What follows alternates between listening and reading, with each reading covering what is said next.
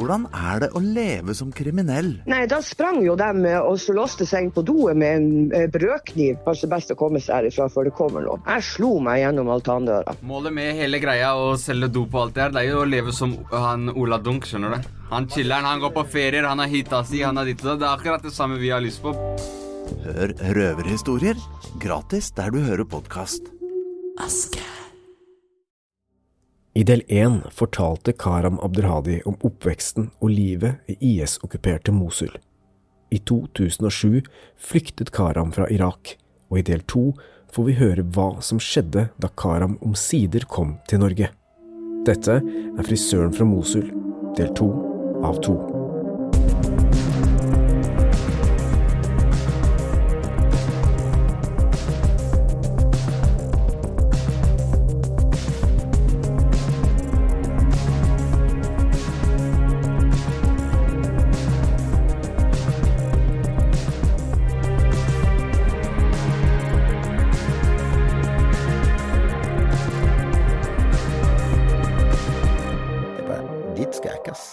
Jeg skal ikke av. Så gikk jeg og gjemte meg på, på doen på båten.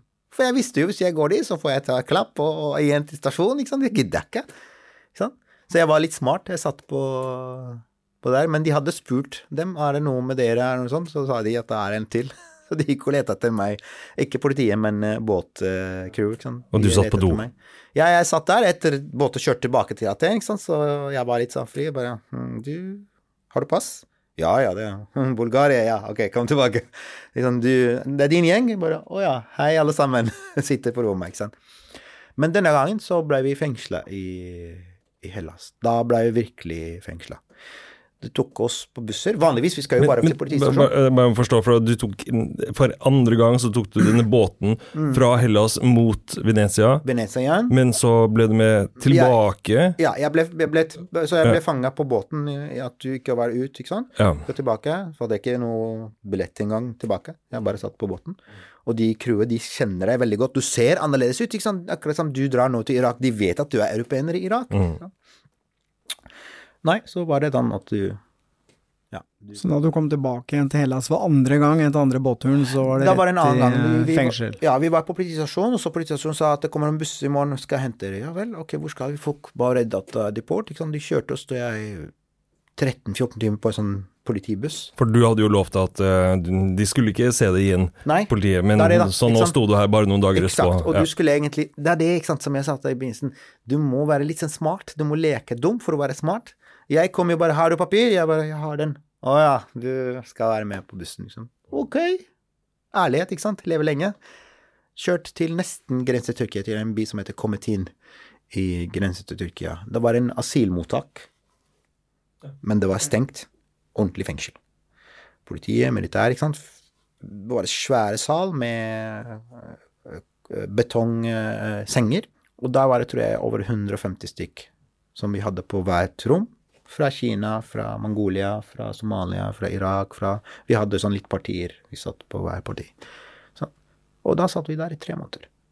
No, Tre måneder Ja, inne i det rommet der. En, det, var, um, det var ingenting som skjer der. Blir du syk, så dør du der.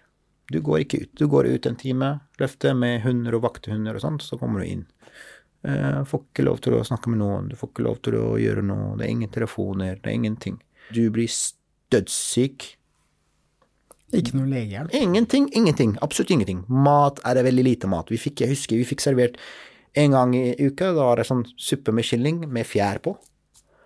Med fjær. Ja, med fjær på. Du skal spise Du er sulten. Du, du får, jeg husker veldig godt de der uh, greske politiet, de, var, de hadde jeg veldig dårlig forhold til. De har sånne der svære greske brød, jeg vet ikke om du har vært i Hellas, og du så sånn kjempesvær. Han kommer inn, åpner døra, alle trekker seg tilbake, så begynner det sånn Bam! Her er en til irakere. Her er en til syrere. En til somalere. Vær så god, spis. Og du hopper som apekatter. De sparker liksom brødet inn som fotballer. Eksakt. Får du tallerken for å fylle på suppe, ikke sant? Han fyller suppe sånn litt ved siden av deg. Oi, det var feil. Ja, du får, du får mat neste gang, da. Så han bommer med vilje Ja. på skåla di. Ja. Ok. Vi snakker jo liksom om et EU-land her, da. Ja, vi Som fikk jo behandler folk på den måten der. Det er ganske drøyt. ja, vi fikk jo papir vi måtte signere, jeg husker veldig godt, for at du spiser for uh, ca. fem euro dagen.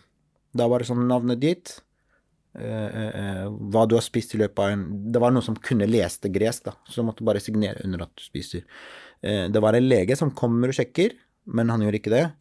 Men du måtte signere under at legen kom hver uke og sjekka. Så de hadde et system, men totalt Uh, Ok, så de hadde et system for at dere skal undertegne på at dere har fått mat exakt, og har fått mat, du har alt, fått lege, men du har fått helse, du har fått telefon til familie, for det var jo krav på telefon, ikke sant. Du skal snakke med familien. Så familien min, tanta, ingen visste hvor jeg var. Jeg tok bare båten og sagt ha det til dem.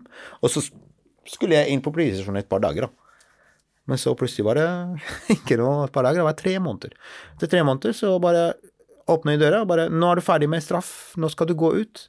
Hvor skal, hvor skal vi? Deport? Bare Aten. Europa. Å ja, ok. Så løper vi som apekatter. Du er midt i en skogområde. Du vet ikke hvor du er. Ingen GPS, ingen anelse. Grekere vil ikke snakke til deg. ikke sant? Du så som en apekatt med hår og skjegg, som en monster som har sluppet deg vill. Så gikk vi, jeg husker det var en togstasjon som vi fant av i nærheten. Vi måtte bare, så satte oss på båten, og så ble vi kasta ut på hver stasjon, for vi hadde ikke billetter, og videre båt, og videre båt. Vi brukte fire-fem dager for å komme oss tilbake til Aten igjen. Da, da startet løypa igjen. Mens, mens alt det her foregikk, hvordan kommuniserte du med familien i Irak? Aldri kommunisert med familien. De Snak- visste ikke hvor jeg er. Snakka du ikke med kona di? Nei, ingen visste hvor jeg er. Du, du, du, du er død. Ikke sant? Etter tre-fire måneder så ringte jeg første gang. Jeg husker eh, Min mor var det viktigste, ikke sant? for hun var syk og sliten. Og så får du det der, ikke sant. Mm. Så jeg fikk hun uh, første telefon. Og jeg kan ikke ringe engang, jeg har ikke penger. De som har penger, de gir en sant? Han har et gammelt kort som funker. Han har én euro i kontantkort. Så ringer han til familien vår. Ikke sant? Med en gang de får et gresk nummer, så vet de at det er deg, ikke sant? og ringer de tilbake. Og da ringer de bare 'Hvor er du?' bare 'Jeg var i fengsel i tre måneder'. 'Å ja, jeg trodde du var eh, død', ikke sant. 'Nei, jeg er i live. Alt er bra'. 'Ja, ja, vi har det så bra her', ikke sant. Du kan ikke si at du har det vondt. Ta kontakt igjen med tanta og bare nå er jeg tilbake i livet. Nå må jeg eh, videre'. Så da var du tilbake i Aten for tredje gang? For tredje gangen er jeg tilbake i Aten. Kom tilbake til Aten, og tilbake til samme mann som jeg bodde hos han, ikke sant. Men eh, denne gang sa han 'Ikke nevn en båt til meg'. Jeg går ingen båt båter. til Venezia? Nei. Så spurte han meg bare, Karam, helt ærlig. Han sa jeg husker den kvelden jeg drakk, han bare helt ærlig. Du er så god mann, og du er så hyggelig, og du er Hvorfor gjør du sånn på ditt liv? Gå tilbake til Irak. Dette her er en vanskelig Altså, vi får jo ingen ut herfra. Det er vanskelig. Bare, men jeg kjenner han der sudaner som drev hotell. Han sa til meg at han kjenner veldig mange folk som har avtale på flyplassen. Der du hadde vært frisør? Ja, ikke sant? Kan du ikke bare stole på meg og Dere er ikke venner? Han bare nei, nei, nei, vi er totalt forskjellige. Men vet du hva, jeg kan snakke med tanta di og si til henne at hun kan overføre penger til deg, og så kan du bare ta det videre. For jeg vil helt ærlig ikke sende det tilbake. Jeg har bare den linjen. Og den linjen går 90% av dem i fengsel og 10% av dem ut. Ikke sant? Og bare nei, jeg går ikke den veien. Jeg orker ikke mer. Altså, jeg blei jo ti år gammel i løpet av det der seks-syv måneder reise i Hellas. Både familier og tanker, ikke sant, og hvorfor har du gjort det, det er ditt liv, ikke sant, og du er jo velmann, du er skolert, du snakker jo språk, liksom. Jeg har aldri vært i sånne, sånne øh, situasjoner i mitt liv. Jeg kom for å være en del av Europa, for å være den moderne mannen som møter en Europa på en helt annen side. Eh, Og så fikk vi da kontakt med den mannen, som var eh, veldig åpen. Han kom til meg og bare 'Ja, jeg fikser alt, jeg, vet du. Du bare fortell meg, snakker du språk? Ja, snakker engelsk? Ja. Snakker du gresk? Nei. Ja, men det fikser jeg. Så hadde han tidligere avtaler med gresk politi, som stjeler stickers ifra, ifra politistasjonen hvor det er sånn oppholdstillatelse uten registrasjon. Så den ser ekte ut når du sjekker den, men hvis du taster nummeret på systemet, så er det feil nummer. Okay. Men det gjør ikke noe. Sånn, du skal jo bare fly. Og brukte de en eh, gre eh, egyptisk pass, tror jeg. Tok bilde av meg. Egyptisk pass har sånn, sånn folie over. Du åpner bare folien, bytter bare bildet. Sånn. Lager stempel over. Alt er perfekt. Stikker med oppholdstillatelse, akkurat som vi hadde her tidligere i Norge. Det var oppholdstillatelse med på pass, ikke sant. Og da gikk det veldig smodig. Fikk jeg veldig god følelse når jeg reiser, ikke sant. Um, og så videre til Aten flyplassen. Hei, hei, skal sjekke inn. Jeg gikk og sjekket inn selv. Aldri flydde før. Ja. Hun bare snakket til meg i gresk. Jeg bare lot som ikke hørte noen ting. Bare, «Mm, alt er ok. Ga meg boarding card. Gikk inn Hvordan, hvordan ble den billetten kjøpt da? til Norge. Den ble kjøpt av de gutta. Jeg aner ikke. Jeg fikk et billett med sånn printepapir, ikke boarding card den tiden, med Norwegian. Uh, reiste du alene til Norge? Ja, Altså, jeg reiste alene, men vi var klienter fra samme mann, på en måte, kan du si sånn. Ja, Han sendte oss begge to i samme fly. begge to. Eh, jeg og henne, jeg skjønte ikke hvem hun er, men jeg så at hun var En dame. ja, en dame, Okay. hun var på møte på det hotellet vi satt i, ikke sant. Så skjønte jeg henne, og så skjønte jeg ansiktet hennes på flyplassen. Så, Da du sto ved gaten på flyplassen i Aten, og da skulle du fly til, Norge. Til Nor- Oslo, ja. eh, til eh, Rygge flyplassen. til Rygge. Mm. Hvordan føltes det da du sto der og skulle båle dette flyet? Ja, nei, det var veldig deilig, for det er sånn, du, du får beskjed at først er en boardingdame kan mistenke deg og ringe Securitas, ikke sant, så kommer de og henter deg, da havner du ned i kjelleren igjen, og da er det igjen på, sant. Uh, og så er det Securitas som står der, Uh, de hadde ikke den der boarding-system som vi har her i Norge med åpne dører, så var det en mann som sjekker og skanner uh, boardingkortet ditt, og så sjekker passet ditt. Du ser alltid annerledes ut. Og jeg sier det alltid. Det er helt annet når jeg reiser nå, for jeg blåser i det. Selv om jeg glemmer passet mitt, så er jeg ikke redd. Ikke sant? Du vet at du er lovlig. Men med en gang du putter et eller annet feil i lomma di, så Hvis du ikke har gjort det, så reagerer du ikke sant annerledes. Så du må jo være veldig sånn mentalt Men du var veldig sliten, du gir opp. Du bare ok, jeg prøver. Så var jeg ganske sikker på at det her er jo ekte. Passet så ekte ut, alt så ekte. Så var det genialt. Går inn, hei, hei. Og jeg ser jo egentlig bra ut når jeg klipper meg, selv om jeg var veldig tynn og sliten. Men i forhold til de andre som flykter, sant, så er jeg litt sånn hakk bedre. Og de, de gjør det, den, han mannen i hvert fall, han gjør, han gjør det. Han går og handler klær til deg før du reiser, så får du litt sånn T-skjorte, litt sånn turiststil, liksom. Bagasje som var tom. Så du later som du er turist, ikke sant. Eh, jeg måtte lage hull i øra for å kunne komme meg videre. Da var det veldig sånn mm, Vi menn fra Midtøsten, vi lager ikke hull i ører. Ja, ok, Så det skulle se ut som en mer litt sånn turist, ikke sant? moderne Ja, turist. mm. Ja. Og gikk eh, videre veldig smodig. Satt på døra til flyet, bare Endelig til Norge, ikke sant. Deilig. Da skal jeg eh, ta bussen videre til Sverige. Det var planen. Det var planen. Hvordan, var det å lande, hvordan var det å lande på Rygge flyplass, da? Eh, veldig kaldt. Vi landa klokken halv åtte eller halv ni på kvelden, husker ikke, i juli. 26.-27. juli. Det var veldig kaldt. ikke sant? Du dro fra Hellas med korte armer ikke sant? og short, og så kommer du bare plutselig Folk hadde jakker på seg, ikke sant? norske turister. Mens jeg bare «Woo, Her er det kaldt, ikke sant? Og så står det to tollvesener. Hei, alle må ha pass, ikke sant. Pass, pass, vær så god, pass, vær så god, pass. Så så han på meg bare. Du, sant, du er egypter med gresk opphold, du ser litt sånn annerledes ut. Ok, stå til. De skulle bare sjekke om alt var i orden, ikke sant. Jeg sto der. Og så gikk hun, mørkedamen som var med meg på den turen, og bare Hun stoppet sin og tenkte fuck, vi ble tatt nå. Mm. Hva skal jeg gjøre? Hva skal jeg gjøre? Jeg vet at Norge er like bra som Sverige. Og jeg vet at de er nære hverandre, ikke sant. Og jeg vet at dette her går fint. Så kanskje jeg kan bare gi meg nå og stopper her, for jeg orker ikke å bli sendt tilbake og alt dette her. Jeg bare sier det som, det er, ikke sant. For jenta ble jo tatt uten pass. Hun skal bli her i Norge, ikke sant. Men jeg skal videre til Sverige. Så tok de meg inn på bakrommet på flyplassen, og de sjekka passet, og så kom han veldig hyggelig mann til meg og bare «Øh, Snakker du engelsk? Ja. Hvor kom du fra? Fra Aten. Har du billett? Ja. Så, ja. Han bare Vi ser at passet ditt er ikke ekte, og det er kjempedårlig, ikke sant. Har du noe å fortelle meg? «Eh, Ja, det har jeg. Så jeg er flyktning, og jeg kommer Vent, vent, vent, nå ble det interessant. Du må sitte her, så blir vi ferdig med den damen, så kan vi ta det. Ja. Hun damen satt fem minutter og snakket med og gråt veldig mye, og samtidig så ble hun satt ut. Så kom det to karer til meg, satt ved siden av meg og ga meg vann, og han tok meg ut, og vi røyket sigarett, det var veldig right. Han spurte meg hva skal du, jeg skal til Sverige, jeg har tanta der, bare jeg anbefaler å bli i Norge. Det var sånn svensken som jobber, kom, kom og jobbe her i Norge hos oss, ikke sant. Så det er bedre å være her, egentlig. Ja, han prøvde å selge i Norge. Ja, egentlig. Han satt meg i Norge. Han bare du, du klipper hår? Ja, jeg skjønner veldig mange som klipper hår. De tjener jo veldig bra med penger, ikke sant. Ja, ikke sant. Jeg fikk veldig sånn deilig følelse, avslappende. Tenkte bare her skal jeg være ærlig, ass. Så jeg satt og fortalte om alt, akkurat som jeg fortalte deg nå. Hvordan jeg kom, hvordan jeg satt på flyet. Vi var veldig fornøyde med forklaringen min. Bare, du, vi er nødt til å sende deg til politiet nå, fordi nå har vi avhørt deg ferdig, og sånt. Så kommer to politimann som tar deg inn nå, og så skal de jobbe videre med saken din. Ja, skal jeg til asylmottaket nå, eller? Jeg må bare ringe til tante og si at jeg landa, for jeg ringte henne på flyplassen og sa at jeg er på vei ut. Uh, ja, nei, det får du ikke. Men du får ringe fra politistasjonen, sa han. Ja, takk for det. Så kom politimannen og satte håndjern på meg, ikke sant? Men, og satte meg bak og stengte den der vinduet på bilen. Bare, «Øh, unnskyld, hvor skal vi? Han bare Vi skal til politistasjonen i Moss. Ja, ok. rett inn i Moss, tok meg skoa, tok meg klærne, jeg hadde sånn armbånd, tok til og med øredobben min. «Øh, Hva skjer nå? Skal jeg inn til cellen? Det visste jeg ikke var cellen, ikke sant? men så åpner det bare «Øh, Hvorfor er jeg her? Han bare Du må vente, for det var en fredag, tror jeg nå. Vente her, så kommer vi i morgen henter for å avhøre. Så det var rett Jeg skal på ikke til glattcellen. asylmottaket, sa jeg. Asylmottaket sa han «Øh, vi tar det senere på, men du må være her. Og jeg satt der et par dager. Uff. Jeg tror det var verste marerittet i mitt liv. Jeg husker det så godt. Jeg bare Det er, så, det er kamera, ikke sant. Det er do, ikke sant. Du, dere vet jo sånn det ser ut.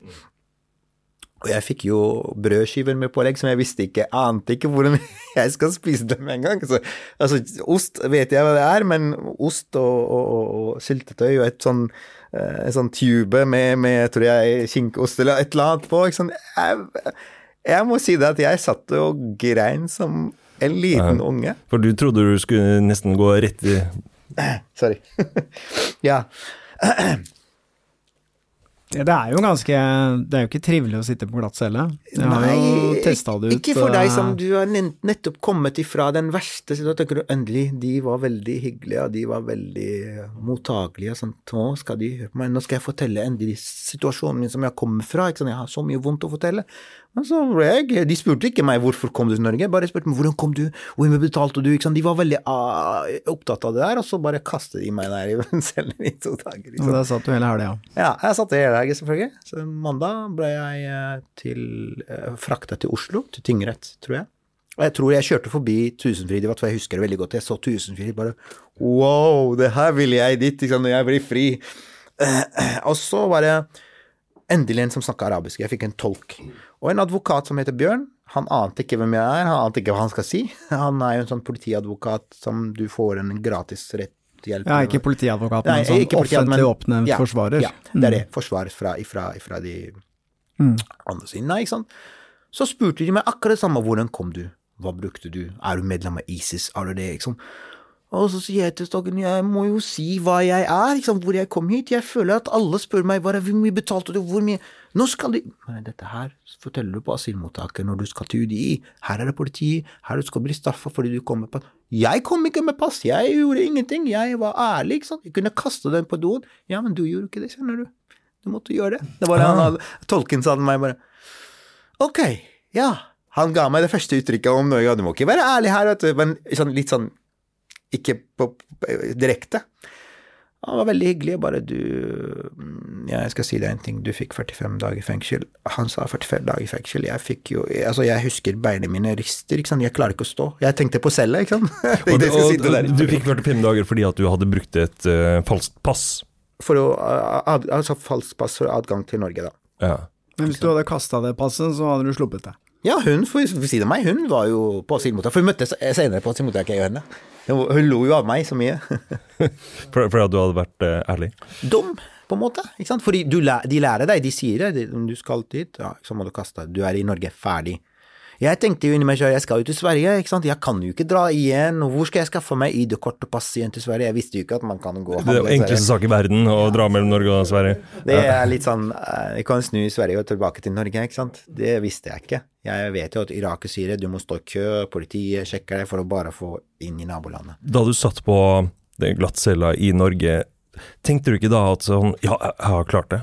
Nå har jeg kommet til et trygt land. Eh, det her ordner seg. Jeg kommer ikke til å bli, sitte her på glattcelle til evig tid. Nei, ikke sant, du føler den der urettferdighet, fordi f- ikke sant, jeg sier alltid, hver gang du er positiv, tenker åh, I made it, ikke sant, jeg klarte det, men nå har jeg igjen en familie som ikke vet hvor jeg er. Nå har jeg igjen gjort en eller annen dum ting fordi jeg var ærlig, og så, jeg vet ikke om i Norge skal de beholde meg eller ikke, for de vet hvor jeg kom fra. De tok meg på døde dødefrihet, det betyr at de sender meg mest sannsynlig tilbake til Hellas. Det var det som var i tankene mine. Og så fikk jeg i tillegg fengselsstraff, og det vet jeg fra før, at du kan ikke få fengselsstraff i det landet du skal søke asyl i. Du må være ren, du starter fra hvit, på hvit ark, ikke sant. Da er jeg allerede rullblad, ikke sant. Du tok og malte i fingrene mine og tok bilder av meg med nummer, ikke sant, og jeg bare hå. Ja. Men det var veldig fint fengsel, da. Det var veldig Du havna i Oslo fengsel, var det sånn? ja, ja. Det var, Fint fengsel, Det var, grovt, eh, det var hvit brød eller grått brød. Spiser du halal, spiser du gris? Sant? De, spør deg på skjema. Ikke sant? Du fikk jo nye klær, fikk jo nye puter og nye greier. Og for meg er jo Det var jo luksus, jeg må si det. Stemmer, stemmer Morten, nå har jo òg vært eh, på glattcelle. Oh, så hyggelig. Her i Jeg, Oslo. jeg er litt sånn sjenert noen ganger når jeg snakker om den Nei, jeg, bare, jeg jeg vil bare presisere at jeg var ikke på glattcelle fordi at eh, jeg ble plassert der, det var fordi vi gjorde opptak Ah, til du, var, en du var frivillig der? TV-serie. Jeg var frivillig ja, nei, men det, Der føler du ikke hvor enn de andre føler, ass. Det, det, jeg må si det. Eh, det var langt ifra det jeg er vant til. Ikke sant? Jeg er vant til at politiet er jo, ikke sant, slår og banker og Mhm. Men det var veldig hyggelig. Alle sa unnskyld, og alle sa sånn. Men altså, du følte som du får vonden på en, sm- på en smertefri måte. Med et smil. Ja, liksom, hvis du får, du får liksom, du, ja, du må dessverre gå inn, ikke sant. Nå er det sånn. Men mens du soner straffen din på For du måtte inn og sone med en gang. Mm. Eh, Tenkte du da at eh, da du var ferdig med den soningen, så ville du bli sendt tilbake? Jeg ante ingenting.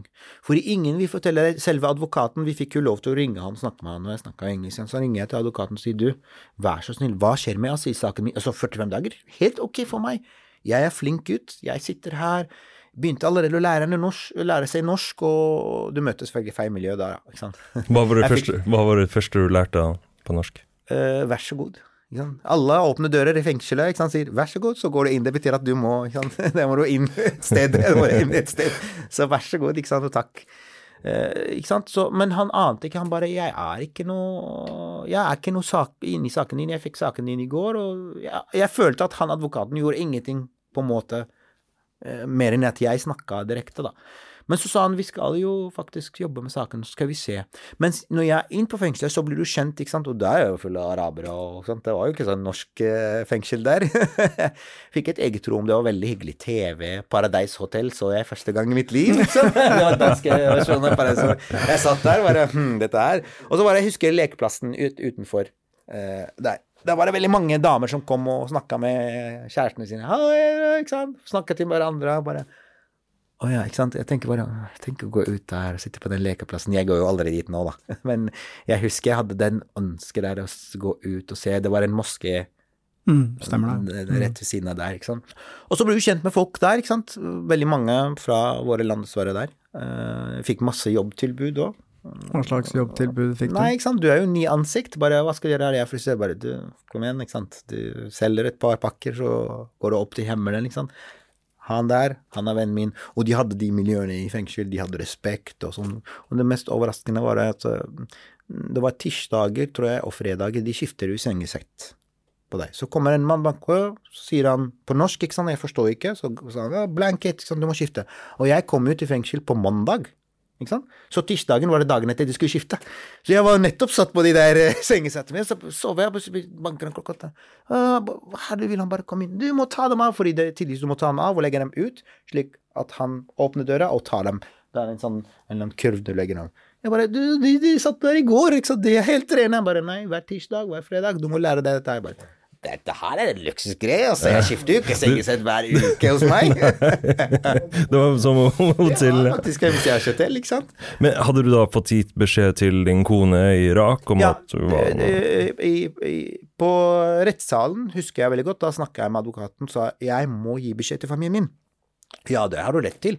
Så skal jeg si fra nå til fengselet. Så når jeg kom inn til Grønland fengsel, først gjøre de der tingene, ikke sant, hva du er, hvor du er fra, og det, det. Og så øh, fikk jeg faktisk Du må ha kort, kontantkort for å ringe. Og det hadde jeg ikke. Så sa han ok, du kommer til å få penger her i fengsel, og så må du spare, og så jeg må bare ringe, vær så snill. Så fikk jeg faktisk en av betjentene til å, jeg vet ikke, gjøre et unntak, så fikk jeg ringt til Irak ifra fengselet. Og det er jo kjempesak. Jeg husker jeg ringte, jeg ringte til Sverige og snakka med familien min, fordi de, de spør deg hvem er kontakten din du skal ringe til før du kommer inn i rommet ditt. Ikke sant? For da får du lov til å snakke med advokaten din. Det, det, jeg hadde ingen norsk nummer, ikke sant? så det er de familien som jeg fikk lov til å snakke med en gang i uka, tror jeg, eller noe sånt. Hun ringer til Irak.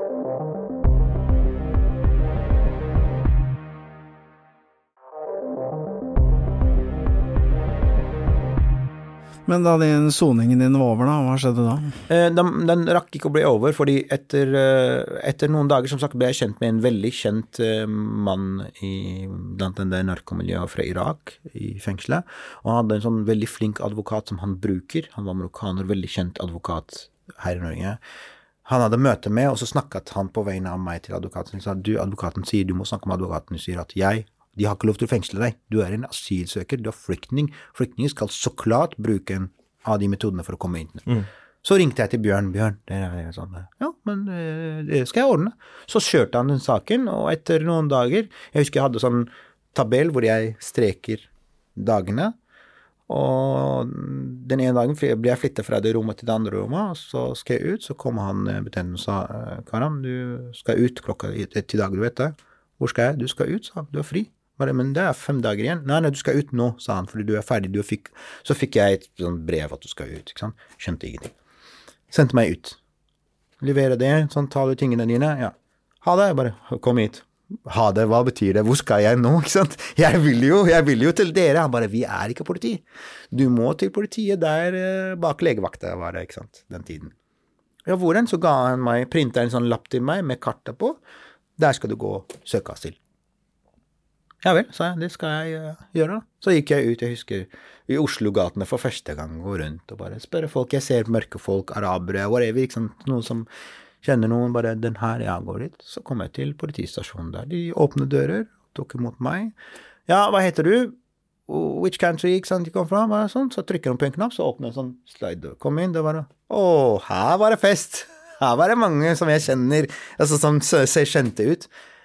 Da var det intervju førsteintervju med politiet, da. De skaffer deg et ID-kort og gjør de diverse tingene til deg, da, at du skal da registrere, sendes til noe som heter transittasylmottak. Og det var i Tanum den tiden. Ja, mm. Den er stengt nå. Tan, uh, Tanom heter det. Uh, først ble jeg intervjua og spurte igjen om det samme saker. Hvordan kom du? Så står det på min case, husker jeg godt, han, husker jeg han tok fingrene mine på sånn skjermen og begynte å sjekke. Det, det piper med en gang, og så vet de hvilket land kom du fra. Men fordi jeg var igjen veldig ærlig og sa det samme som det er Jeg er jo ikke sant, flyktning, så han bare 'Jeg finner ingenting, det er veldig rart'. Bare 'Vi skal finne det'. Ok, sa jeg, men jeg har ikke, jeg har ikke gitt fingerprinten ja. Men jeg var i Hellas, ja. Så fikk jeg en sånn case, noen case, det heter NS, det betyr normal, normal sak og, og, og, en annen som heter DB, det betyr Dublin. Det betyr at du skal returneres til det landet du kom fra, enten fra Tyskland eller fra her. Og den tredje var jo eh, MB, det betyr Maybe Dublin. Sånn tror jeg. Den fikk jeg. Så ble jeg sendt til asylmottaket. Der på asylmottaket får du rom og får du ikke sant, plass. Plasserer de gjerne med irakere og arabere som er på samme situasjon som deg. Blir du sjekka helse alt sammen, så blir du sendt videre til noe som heter transit igjen asylmottak, der hvor du venter du på intervju fra UDI. Da skal de endelig høre på deg. Mm, og så blir du sendt til noe som heter permanent asylmottak, hvor det er sånn du skal bo der til du får ja eller nei. Sånn. På transit bodde vi i Herslemon, men jeg fikk aldri intervju fordi de forventa at de skulle sende meg tilbake til Hellas. Så de visste ikke hva de skulle gjøre med meg. De sendte meg direkte til asylmottaket oppe i nord, på et lite sted som heter Rognan. Og det var veldig morsomt, for du, du snakka med asylsøkere. Noen sier til deg du skal Hvis du skal ta fly, så betyr det at det er oppe i helvete. Det er oppe i nord. Men hvis du får tog, så er du heldig. Da er du nærheten av Oslo. Og jeg fikk et togbillett, og alle kom bare 'Karam, du fikk et togbillett!' Kjempe! Bare 'Hæ, men jeg har ikke gjort intervju ennå'. Hæ, veldig rart. Så gikk jeg og spurte de gutta der 'Hvorfor det?' Så sa han ah, ok, du kanskje kan returneres. Så du får aldri den gleden av å bare ah, endelig, ikke sant? Bare hæ? Det er sånn usikkerhet hele tiden. Hva skal, skal jeg si til familien min? Nå er jeg gjeld å betale, og nå er jeg kommet endelig hit. Og så skal jeg kanskje returneres? Det Ok, greit. Ta toget. Tok jeg toget til Trondheim og bytte Trondheim Nordlandsbane til Jeg sov ikke i 14 timer med, med tanken på at Rognan kommer snart. Mm. Den kom etter 14 timer. Welcome to Rognan. Alt for Rognan står det der på fjellet. Ja, det var en, det var en miniby, ass. Det var veldig liten, bitte liten sted, med en asylmottak som er sånn langt bort mm. uh, ifra alt. Hvis du skal til noe, så må du ta buss, eller må du gå i kvarter, 20 minutter, for å komme deg til nærmeste Rema 1000 eller noe sånt. Uh, jeg bodde der i tre måneder. Ja. Okay. Vi bodde der, vi hadde ingen aktiviteter, ingen skoler, ingenting.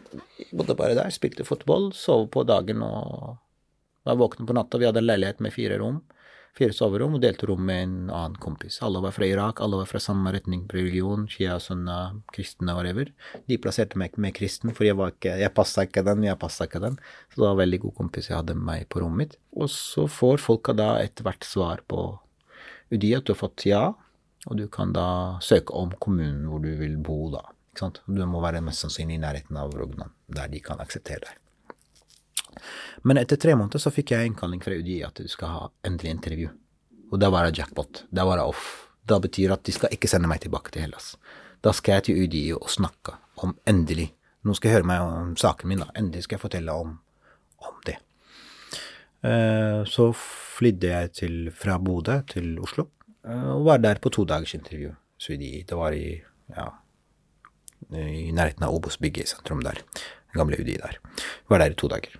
Med tolk. Avhørte meg. Hvorfor kom du? ikke sant? Så fortalte jeg hele historien. Vanligvis, eh, når du kommer til UDI, så har også dette her blitt et yrke for veldig mange voksne som har bodd der. Du kommer inn, så møter du Stein Morten, han gir deg en sånn ferdig sak som er veldig godkjent hos UDI, du kan bruke den.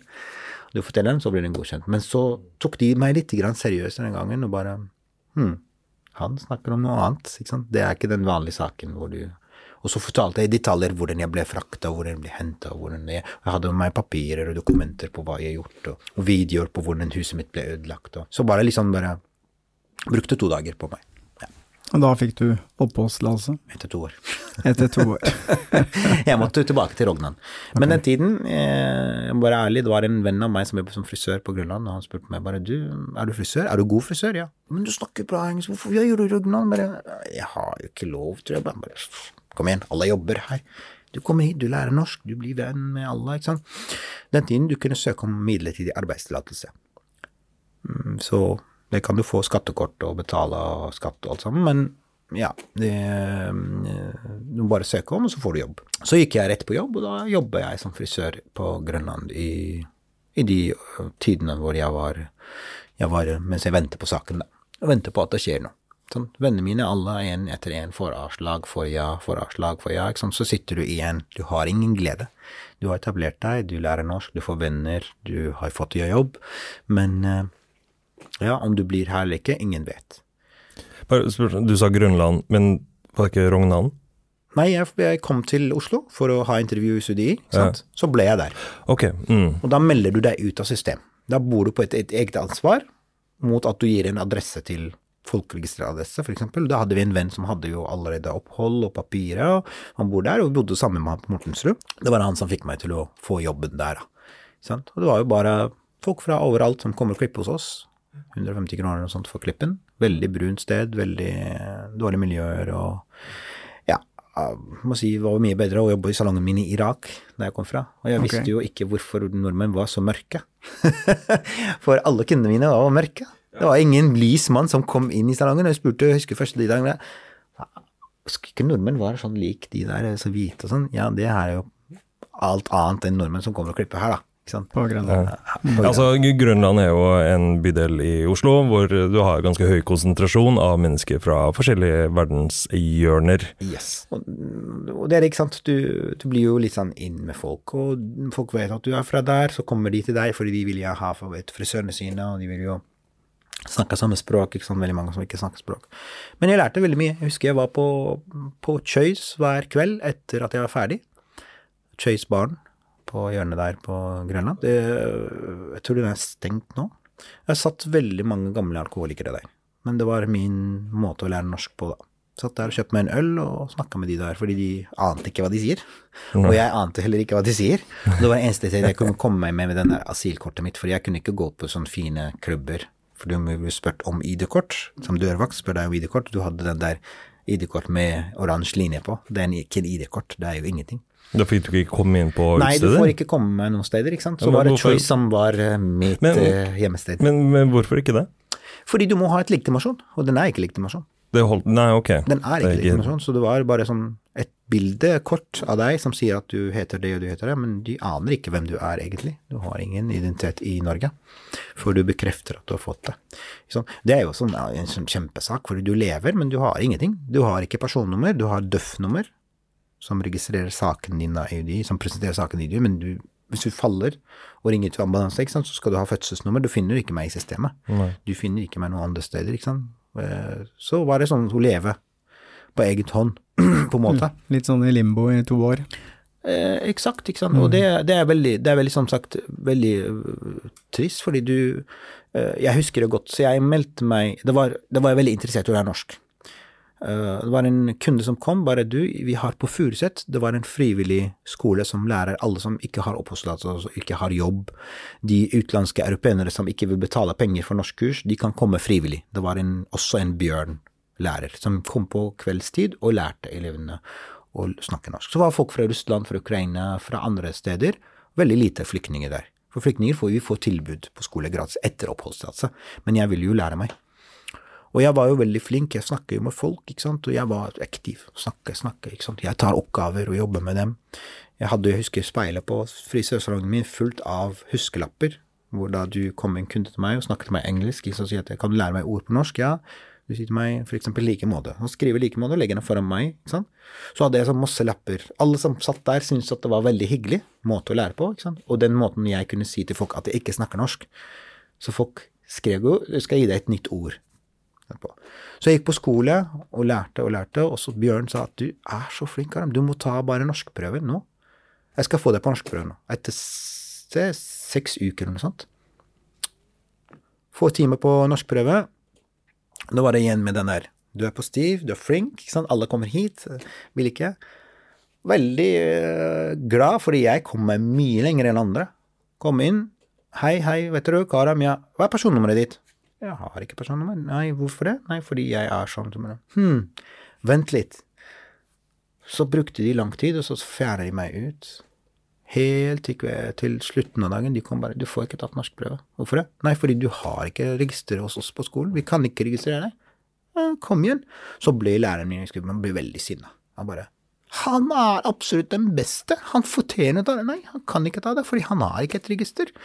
Så ba han dem om å registrere meg på eget skjema eller noe sånt. I tilfelle får jeg oppholdspersoner, så kan vi lime dem sammen seinere. Det er en utrolig frustrerende situasjon, da, for at den norske stat vil jo ikke betale. De ser ikke noen grunn til å sponse ditt norskkurs når de ikke er bestemt De vet ikke om du skal være her engang. Eh, Nei, de betaler ikke. Altså, det er bare eksamen. Du skal registrere på deg. Du, så alt får du Det her er frivillig, det her er gratis, men du må registrere i systemet, ikke sant? Ja, ja, ditt kurs var gratis, men Ja. hvis du hadde fått innvilga ja, jeg hadde kostet veldig mange tusen eh, fått kroner for å, for, å, Mm. for å gå på kurs og sånt, du, du gjorde dette på egen hånd, men fordi- du, du fikk ikke tatt en prøve. Ja, det ikke sant. Det er så typisk. Det er systemfeil. Nei, jeg fikk tatt prøven, og jeg besto med gode karakterer, ikke sant. Og jeg var jo Jeg har ikke bodd her lenge, jeg har ikke jobba her, men jeg var veldig gira. Eh, eh, og det gikk jo bra, men jeg vet ikke om jeg får brukt den eller ikke. Men det var det jeg gjorde, i hvert fall. Um, tror jeg, før jeg fikk oppholdet, det var veldig mye snakk om at jeg ringer, du får aldri svar, du vet ikke når du får det. Ja, men nå har jeg bodd her lenge. Det var et regelverk på systemet i UDI, de sier at etter 16 måneder så har du krav på å få svar UDI. Så ba jeg en kunde av meg som hjalp meg med å skrive notater, bare kan du være snill skrive dette her med paragrafnummer og alt dette her, må du Eh, De sendte meg svar, de beklaget så mye at de hadde veldig mye, veldig mye å gjøre, og de skal svare så fort de kan. Så fikk jeg bare Eh, jeg var på en eller annen eh, demonstrasjon som var fordi at de der karakterene kom opp. Mm. Profetkarakterene. Og og så benytta jeg sjansen med å skrive dette her. Folk var sinne her i Oslo gata, og de brant flagg og sånt. ikke sant. Så brukte jeg dette her som argument. De kom igjen, da. ikke sant. Dere ser hva som skjer her. Skal dere sende meg til Irak? Tenk at folk som har bodd i Norge, her kan gjøre sånne ting. Ja. Tenk om jeg er i Irak nå. okay. Ok, Hva så- kan de gjøre med meg? Så du var ikke selv med i demonstrasjonen? Nei, nei, jeg var der og så på, fordi jeg bare tenkte Ja. bare Hæ? Er det ikke sånn Vi rømte jo alle sammen fra Ja. Det disse det- her, ikke Er det samme her? Ja, ikke sant. Og det var veldig mye av det der på Grønland-miljøet og disse stedene der. Mm. Nei, så fikk jeg et positiv tilbakemelding. Hei, i løpet av denne måneden så skal vi jobbe med at saken din blir behandlet ferdig. Og så gikk det én måned og én dag, to dager, så tar jeg telefonen og ringer igjen til dem. Hei, når tror du saken min er ferdig? Så vet hun selvfølgelig ikke, men da ringte en annen dame og sa du, i morgen du vil få svar av meg. Hvordan føltes det da? Og Hvordan det var det var hardt. Ja. Du klarer ikke å sove, ikke sant. Da er det avgjørelsen. Du snakker norsk, du er så flink, du har fått jobb. Alt er perfekt. Kona venter, jeg driver og jobber og betaler gjelden min. Ikke sant? Alt er på plass, bare jeg trenger et ja. Ikke sant? Det er det jeg trenger. Så fikk jeg et ja, og det var veldig, Veldig godt. Men en sånn halvveis ja. Igjen. Liksom. Eh, du, når du kom til Norge, så brukte du et pass som heter det og det og det. Og vi kan jo ikke bekrefte identiteten din, selv om du har levert det irakiske dokumentasjonen og sånn, men vi tror fortsatt at du har to navn her i Norge. Og det er et kjempeproblem.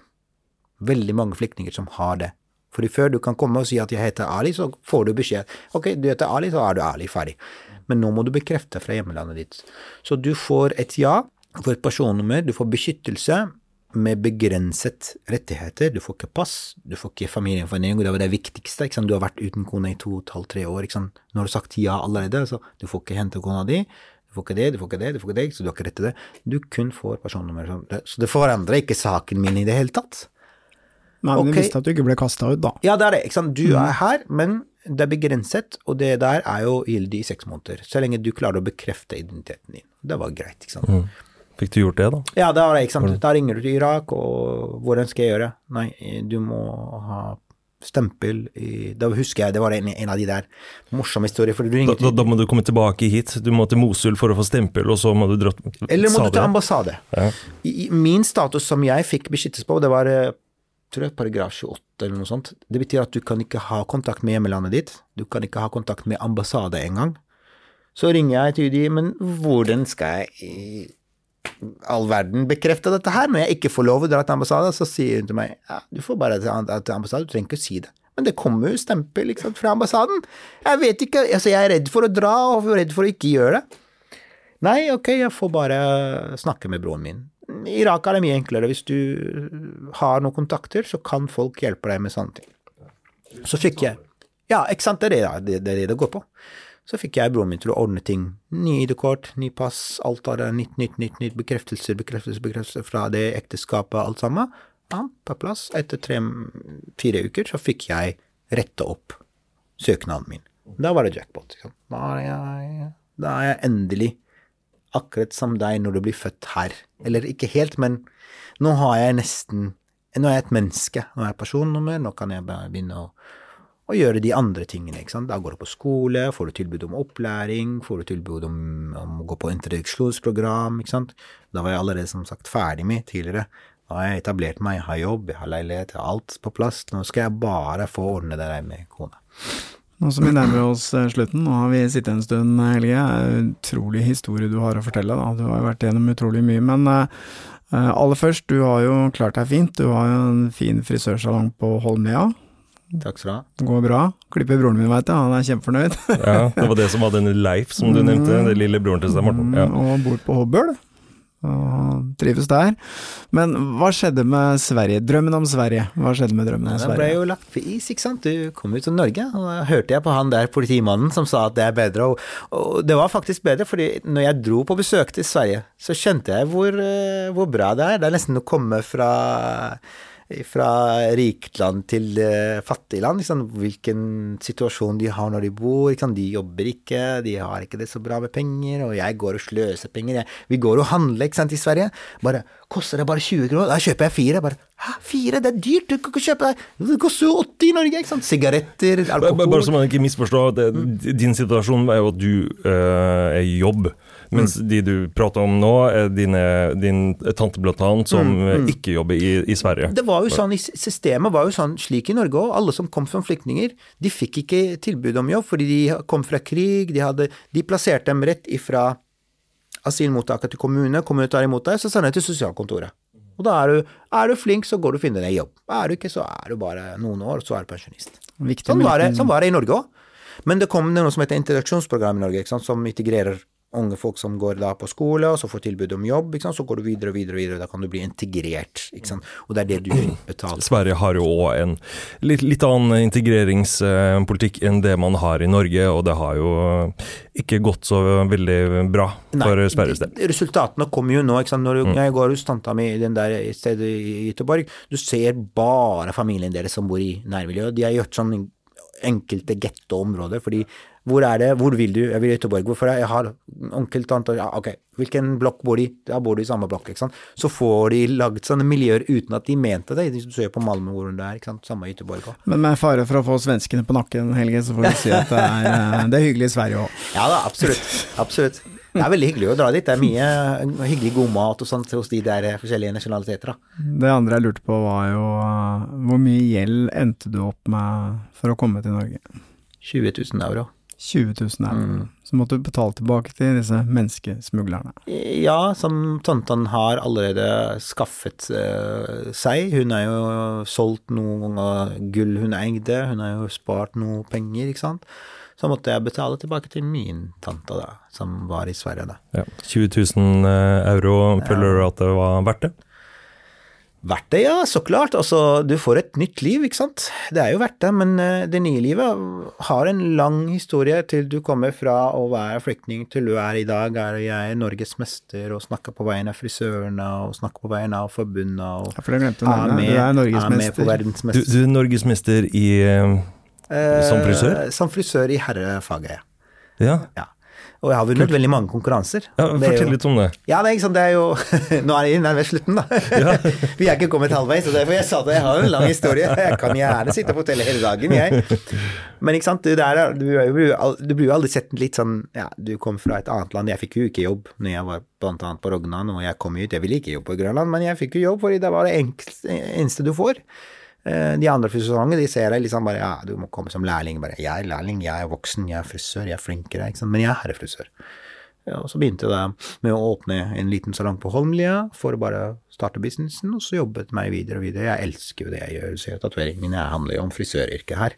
Ja, hva har du Det av er, tatoveringer? Kompassen som viser lykken i mitt liv, ikke sant. Så har dere barberingsbørste, barberingsstol, kniv, eh, barberingspol, ikke sant.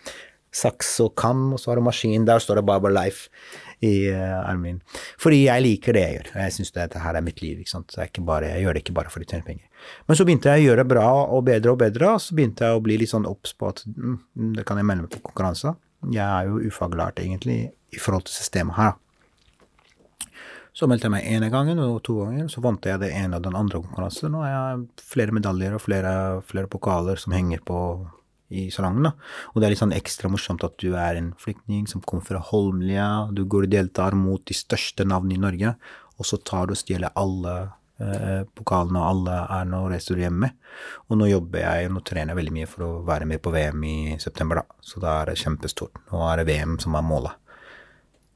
Eh, Og det er veldig gøy, fordi jeg snakka i går med han kunden min. Han var en av de første kundene som var med på Grønland. og så han har blitt voksen nå. Tok med han nå til Norges mesterskap, så var han med som modell. Så var det bilde av han på bildet på frisørmagasinet. Bare 'se det deg', ikke sant. Han bare 'husker du når jeg klippet meg siste, første gang, du snakka ikke norsk'. Jeg var litt sånn ungdom og fra Holmlia, ikke sant. Så var han med denne gangen med dressen, og ble han intervjua, og stor bilde av han på frisørmagasinet. ikke sant? Det er litt sånn morsomt å ha gjort noe stort fra det lille stedet. For vanligvis de store folka, de kommer jo fra de store navn, og de jobber hardt for å bevare den der eh, tittelen, da. Men i år så tok vi dem alle sammen. Jeg hadde med mine ansatte òg. Vi sto på pallen, jeg på først, han på andre og hun på tredje, og alle var fra Idol. Alle visste ikke hvem Idol var engang. Idol var jo en frisørsalong som drevet av meg og min kone. Hvordan gikk det til at din kone ble, kom hit? Ja, hun kom til Norge etter, eh, etter halvannet år vi bodde sammen. Vi var totalt forskjell, forskjellig i mentalitet. Jeg var åpen, jeg var norsk. Jeg vil ha det vanlige livet. Hun hadde jo litt den der bakgrunnen hvor vi skal jo ta vare på de tingene som vi kom med, ikke sant. Ikke bare det, men det var jo litt sånn Så vi levde jo to forskjellige retninger. Jeg vil opp, jeg vil ditt, jeg vil datten, og hun vil ha noe annet. Så ble det bare sånn frivillig slutt. Bare du skal få lov å være her, og skal bli som, som du blir, men jeg kan gå videre, for sånn kan det ikke fortsette. Vi hadde ingen barn, så var det veldig enkelt å avslutte, da. Så var det jo, nå er jeg singel, liksom, nå skal jeg få meg en norsk kone. Men det, det gikk ikke som forventa. Jeg var jo litt, så jeg tror jeg fortsatt litt sånn ba, ba, Bakgrunnen min gjør at det er litt sånn vanskelig, tror jeg, for de norske jentene å date. Så endte jeg med at jeg ble kjent med Maria, hun eh, er fra Ukraina. Vi Ja. ble kjent på Facebook, og så inviterte jeg henne bare sånn Kan du date meg? For jeg var sånn Dater alle? Ja, jeg Kan, meg. Ja. kan du date meg? ikke sant? Ja, hvorfor ikke? ikke sant? Det var det, det starta jo først. Jeg sleit jo Jeg er liten, så jeg sliter med det der. Eh, Du, hvor er du fra? Ikke sant? Der, ikke sant? Så, Så så spurte hvor høy er du egentlig? Hun bare 158. Bare Oh, you are my wife. Så jeg printa den og har den på stuen nå. You are my wife fra Facebook-chatten, da. Ja, ikke sant, så dater vi hverandre. Hun hadde, alle de damene som vi data, var jo sånn enten flere barn eller flere historier. Jeg var jo flink, hadde kjøpt hus i Hobøl, har businessen min på topp, har bilen min i Alt er på stell. Hvorfor skal jeg gå på ting som jeg ikke er på litt sånn lik eh, der? Så fant jeg en dame som var tynn og flinn og blond og vakker, snakka ikke norsk men det gikk jo ikke noe, ikke sant. Og de, du vet, østeuropeerne er litt sånn nærmere oss når det gjelder kulturen, da. Sånn, mannen er fortsatt litt der og ikke sant. Og jeg må si det, jeg kan ikke si noe annet, jeg liker det sånn. Jeg, jeg er så synd på Leif noen ganger når han kommer. Sant? Han får ikke bestemme så mye. Han får ikke bestemme så mye. Vi skal ikke ta den, han bestemmer ingenting, men det er for så vidt greit. Men ja, ikke sant. Og du, denne kona di fra Ukraina, dere er fremdeles sammen. Ja, vi Ja. er fortsatt heldigvis sammen. Vi skal Vi ikke begynne, nå har vi sittet her lenge, vi skal ikke begynne å gå inn i den historien. Det, Nei, det er sikkert det er- en veldig interessant Jeg kan dra deg inn i flere timer, jeg, Ja. historien nå. Det er veldig interessant. Altså, det, de tingene du har vært igjennom er jo dramatisk og veldig traumatisk, skulle man tro. Men sånn, måten du forteller det på, litt sånn Du har jo Du, du forteller jo om denne partybåten og at det er fest og Du, du forteller med et smil disse tingene her. Hva, hva, hva er grunnen til det? Nei, ikke sant. Du, når, når, du, når, du, når du er vant til å, å ha det vondt, og så veit du at det ordner seg alltid. Det, det, det har ordnet seg mange ganger hvor du har gått f.eks. For forbi en bombe hvor de sprengt etter ti minutter etter at du har vært der, ikke sant? og din beste kompis døde. Så tenker du det kunne vært meg. Øh, Derfor jeg sier at det er Du har opplevd veldig mye. Og det blir etter hvert et sånn livsstil, og du vet at ting ordner seg.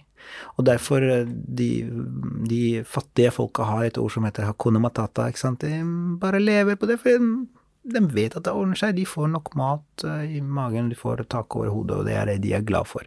Jeg er glad for noen ganger når jeg åpner dusjen og har varmt vann, ikke sant, fordi jeg tenker bare hm, dette her må jeg jobbe for før, da. Starte bilen uten å skje noe. Reise på ferie og, og, og føle den der følelsen at du er virkelig Du har jobbet, men du du får noe resultat for det. Og sånn bruker jeg ofte med å ta kontakt med brødrene mine jeg blir lei, som alle andre. Det, vi sier ah, livet vårt er så mye stress her, vi jobber hardt, vi er så slitne. Så ringer til broren min ah, nå er jeg lei, jeg orker ikke mer. Hva er det? Nei, jeg jobber, jeg ser ikke barnet mitt, men du, jeg gjør det samme her. Du jobber, og du bygger ditt liv. Jeg jobber bare for å få mat i huset, eller for å få betalt det jeg kilder. Så sitter jeg tilbake og tenker, hm, ikke sant. Du har glemt det. Det er 15 år siden, ikke sant. Du glemmer det. Så det er liksom veldig lett å få påminnelse, fordi vi glemmer jo, ikke sant. Når du kjører en bil fra 2017-modell, ah, den er gammel bil, du må skifte den. Hæ? 1950, den kjører fortsatt i dag, og du må være veldig glad for at du har en 1950 som du må bare dele en dag hos deg og en dag hos mekaniker. Men du er glad for det.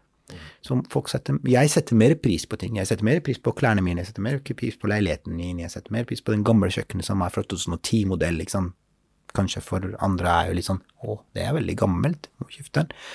Fordi vi har jo sett mye verre, og jeg tenker at jeg er veldig glad for at jeg kan, jeg kan få et barn her hvor han kan da få dette livet, men samtidig så prøver jeg å minne på at vi har ikke, Du må ikke ta det som gitt, du må ikke ta det som selvfølge at det er kaldt vann, det er rett vann i, i, i, kranen. Det er ikke det bra skoler, bra system, ja, men du må være veldig takknemlig, for du skal ikke mye ned til Italia og Spania for å se hvordan folk har det. Voksne, ungdommer, barn, whatever. ikke sant? Eh, Så jeg tror det her er viktig å ha begge sider. Du har den negative, men du er glad fordi du, du forteller en historie som du har overlevd, og du blir, det de sier, det som ikke dreper deg, gjør deg sterkere, og du blir sterkere av å oppleve sånne ting. Så for meg er jo Altså, jeg kan jo dø ti ganger, er som en katt. Vi sier katt har jo så syv eh, Syv-ni liv, ikke sant. Det som en katt. Du har dødd mange ganger. Du har blitt kjørt hardt, og så står du opp igjen dagen etter, smiler du. Du må bare smile.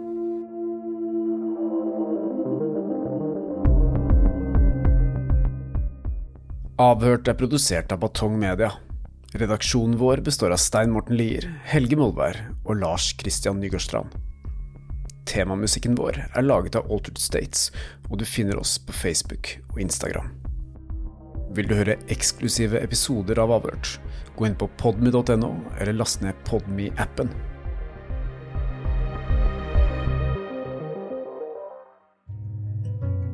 Hvis du setter pris på Avhørt og syns at den jobben vi gjør er viktig, så kan du støtte oss ved å vippse til 8075 99 eller søke opp Batong Media i vips appen Og vi setter stor pris på alle bidrag, store og små.